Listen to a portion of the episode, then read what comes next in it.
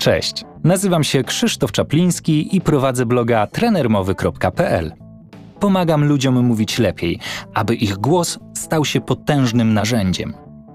Jeżeli uważasz, że ważne jest nie tylko to, co mówisz, ale też jak mówisz, to dobrze trafiłeś.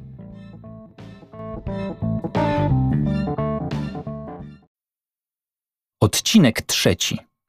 Jak szersze otwarcie buzi wpływa na wymowę. Otwieraj szerzej buzię, mówili na studiach aktorskich. Mm, mieli bardzo dużo racji. W ten prosty sposób można wiele zmienić w swoim głosie, ale też w wymowie. Dlaczego? Czy tańczyłeś kiedyś w budce telefonicznej? Najlepiej takiej klasycznej, brytyjskiej. Ja też nie. Ale nie oszukujmy się. Da się.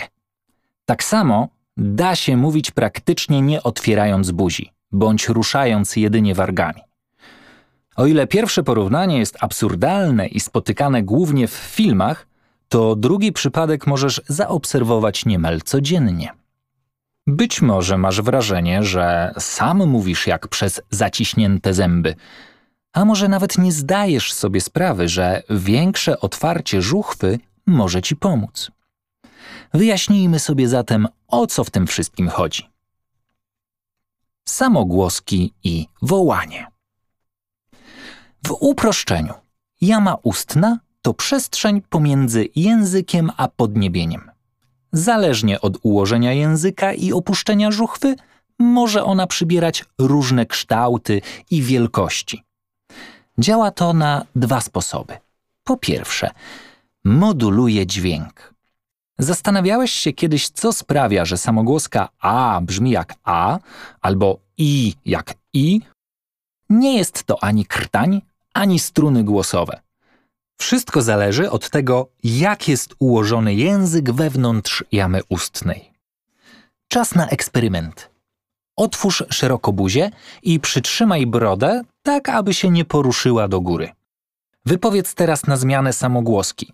A, i, a, i, a, i. Czujesz, jak język się porusza? To dobrze. Zapamiętaj jego ułożenie na poszczególnych głoskach i przejdź do drugiej części eksperymentu.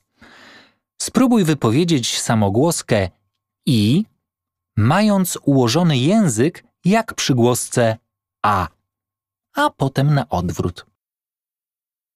Ruchy i pozycje języka, których przed chwilą doświadczyłeś, decydują o tym, jaka samogłoska powstanie.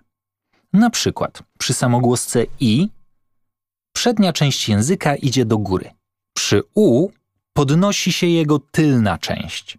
Natomiast przy a cały język jest na dole jamy ustnej. I właśnie dlatego u lekarza mówimy a. Jaki to ma wpływ na wymowę?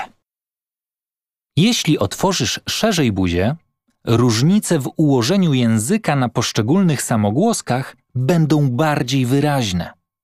Tym samym różnice w brzmieniu samogłosek będą większe. W ocenie czyjejś wypowiedzi używa się czasem terminu zlewanie samogłosek. Jest to nic innego jak sytuacja, w której język ułożony jest gdzieś pomiędzy jedną konfiguracją a drugą.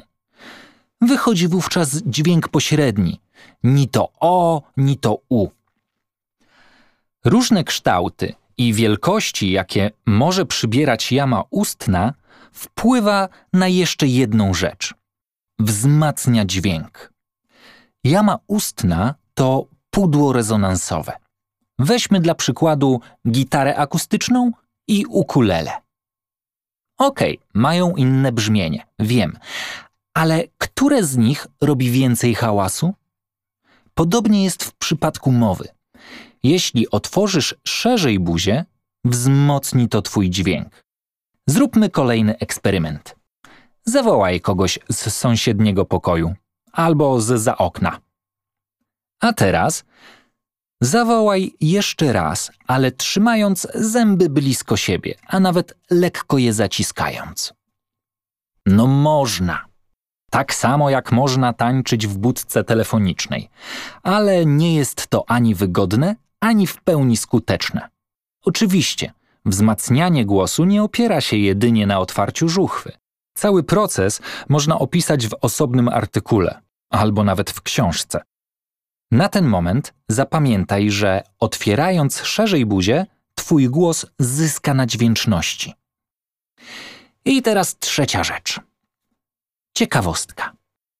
Dzięki różnicom w ułożeniu języka możemy modulować sam głos. Nie są to zmiany całej barwy głosu, tonacji czy rejestrów, a jedynie pewien subtelny sznyt, wykorzystywany głównie w śpiewie lub dubbingu. Warto o tym pamiętać, szukając odpowiedniego tembru głosu. Może się okazać, że jest to brakujący element w całej układance. Swobodna praca języka. W języku polskim są 42 głoski i tylko 5 nie wymaga pracy języka. Wszystkie pozostałe powstają dzięki jego konkretnemu ułożeniu. Sprawność artykulacyjna opiera się na precyzji oraz na płynnych przejściach pomiędzy tymi ułożeniami. W pierwszym odcinku, czy można samemu pracować nad dykcją, przyrównywałem mechanizm wymowy do tańca. Każdy dźwięk języka polskiego to odrębna figura do wykonania. I po raz kolejny wróćmy z tańcem do budki telefonicznej. Da się. Nawet da się zatańczyć makarenę, ale większość ruchów będzie ograniczona. Niemal na pewno uderzysz o coś łokciem. Przy artykulacji jest podobnie. Język wykona wszystkie zamierzone ruchy, ale część z nich będzie ograniczona, zredukowana. I teraz najważniejsze. Aby temu zapobiec, nie musisz rozdziawiać buzi tak, jakbyś chciał połknąć cheeseburgera w trakcie mówienia. Wystarczy odrobinę szerzej. Tak samo, jak nie potrzebujesz całej sali tanecznej wyłącznie dla siebie, żeby swobodnie zatańczyć makarenę. Zmotywowanie leniwego języka. Przyjrzyjmy się bliżej informacji, że każda głoska powstaje dzięki konkretnej pracy języka warg żuchwy oraz ich konkretnemu ułożeniu. Jest to oczywiście pewien idealny wzór, a my w trakcie mówienia poruszamy się wokół niego. Każda głoska ma swój margines błędu, pewną rygorystyczność. Im jesteśmy bliżej wyidealizowanego wzorca, tym lepiej to brzmi. To trochę tak jak strzelanie z łuku. Trafiasz w tarczę, ale w pola za jeden-dwa punkty. No, w zasadzie trafiłeś. Strzał zaliczony. Ale czy cię to cieszy? Pozwala wygrać konkurs? No nie bardzo.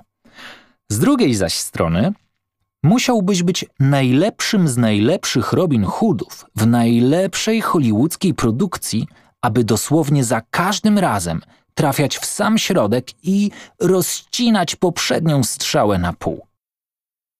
Cały problem z wyraźną artykulacją polega na tym, że granice pomiędzy głoskami, owe marginesy, nie są sztywno wydzielone, a płynnie przechodzą jedna w drugą. Szersze otwarcie żuchwy mobilizuje język, aby wszystkie swoje ruchy wykonywał z większą precyzją. Głoski zwarte są lepiej dociśnięte, wszystkie szczeliny mają lepszy kształt, środek języka jest wyraźniej wysklepiony lub wyżłobiony. Dokładny opis tego, co wówczas się dzieje, mógłby być materiałem na habilitację, a co najmniej na doktorat. Ciężko jest to wytłumaczyć prościej, a jednocześnie konkretnie. Darujmy sobie więc specjalistyczne szczegóły. To, co chcę Ci przekazać, to prosty komunikat. To działa. Przy szerszym otwarciu buzi margines błędu każdej głoski zawęża się, a w zasadzie zostaje obcięty. To tak jakby ktoś obciął tarczę strzelniczą i albo trafiasz w pola za 7, 8, 9, 10 punktów, albo wcale. Sprawdź to na sobie. Weź jakiekolwiek zdanie i wypowiedz je swobodnie na głos. Teraz włóż ołówek lub korek od wina między zęby i spróbuj wypowiedzieć to samo zdanie równie wyraźnie. Korek od wina między zębami. W poprzednim odcinku jak pracować nad dykcją, mity i konkretne wskazówki, krytykowałem używanie korka od wina włożonego między zęby. No cóż, w każdym micie jest trochę prawdy. W tym znacznie więcej. Ćwiczenia z korkiem są skuteczne. Sam na nim trenowałem w szkole aktorskiej i często daję go na zajęciach moim uczniom. Niemniej, z korkiem jest podobnie jak z siłownią. Można powiedzieć, idź na siłownię i podnoś ciężary. Kropka. Dużo osób sobie poradzi dzięki takiej instrukcji, ale dużo osób zrobi sobie krzywdę. Weźmie za duże obciążenie na raz, albo niewłaściwie będzie je podnosić. To znaczy, sam korek nie wystarczy. Do stosowania tej metody zachęcają głównie aktorzy, którzy na podstawie własnego doświadczenia szkolą innych z prawidłowej wymowy. Niestety, bardzo często zapominają albo nie są świadomi korelacji, że w szkole aktorskiej oprócz zajęć z dykcji było też dużo innych, które wpływały na szersze otwarcie żuchwy oraz na samą artykulację. Jeśli więc chodzisz na lekcje śpiewu lub zajęcia z emisji głosu, to możesz pominąć część tego odcinka i swobodnie ćwiczyć z korkiem. Na zajęcia do mnie bardzo często przychodziły osoby, które traktowały korek jako cel sam w sobie. Usłyszały gdzieś, że to pomaga i sami zaczęli. Włożyli korek do buzi, mówili i na tym się kończyła ich praca nad dykcją. Bez wyraźnych efektów, a czasem ze szczękościskiem. Korek jest tylko narzędziem, aby w sposób sztuczny mieć otwartą buzię. Jak wspomniałem wcześniej, szersze otwarcie buzi prowokuje język do bardziej precyzyjnej pracy. Główny cel tej metody to ułatwienie ci otwierania szerzej buzi w swobodnej wypowiedzi. Z jednej strony działa tutaj pamięć mięśniowa do takiej mechaniki ruchu, z drugiej język nabiera sprawności sam w sobie. Dlaczego w takim razie to jest takie złe? Bo korek nie ma zakończeń nerwowych. Nie czujesz go. Nie wiesz, kiedy zaczynasz go za mocno zaciskać. A gdy już poczujesz napięcie na policzkach czy zębach, jest za późno. Cały aparat artykulacyjny zesztywnieje, napnie się i będziesz mówić jeszcze gorzej. Jak ćwiczyć? Diabeł ukryty jest w szczegółach, mówią. W takim razie praca nad dykcją i emisją głosu to piekło. Ale tylko, gdy nie wiesz, na co zwrócić uwagę podczas ćwiczeń. Wyjaśnię teraz, jak prawidłowo stosować tę metodę. Po pierwsze, rób dodatkowo ćwiczenia rozluźniające język oraz żuchwę. Po drugie, zamień korek na swój własny palec.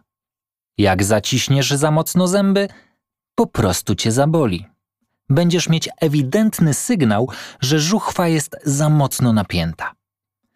Dopiero po jakimś czasie możesz używać korka. Po trzecie, ćwicz małymi interwałami. Kilka wyrazów, krótkie zdanie z palcem, potem kilka bez i później znowu palec między zęby. Sprzyja to rozluźnieniu żuchwy. Dodatkowo, gdy wyciągniesz palec, przez chwilę będziesz mówić w szerszym ustawieniu, ale dosyć szybko żuchwa samoistnie wróci do standardowej konfiguracji. Po czwarte, wypowiadaj dokładnie te same wyrazy zdania z palcem i bez niego. Wzmocni to pamięć mięśniową. Po piąte, gdy poczujesz napięcie i duży dyskomfort w żuchwie, przerwij ćwiczenie na dziś. I teraz najważniejszy punkt – po szóste, ćwicz regularnie. Szersze otwarcie buzi musi być procesem zautomatyzowanym. Inaczej istnieje duże ryzyko, że będziesz brzmieć nienaturalnie lub będziesz mówił bzdury, bo cała Twoja uwaga będzie skupiona na otwieraniu żuchwy. Chodzi tutaj o to, aby Twój organizm dokładnie wiedział, co i jak zrobić, gdy Ty tylko pomyślisz o szerszym i luźniejszym otwarciu. Odcinek zrealizowano w ramach programu stypendialnego Ministra Kultury i Dziedzictwa Narodowego Kultura w sieci.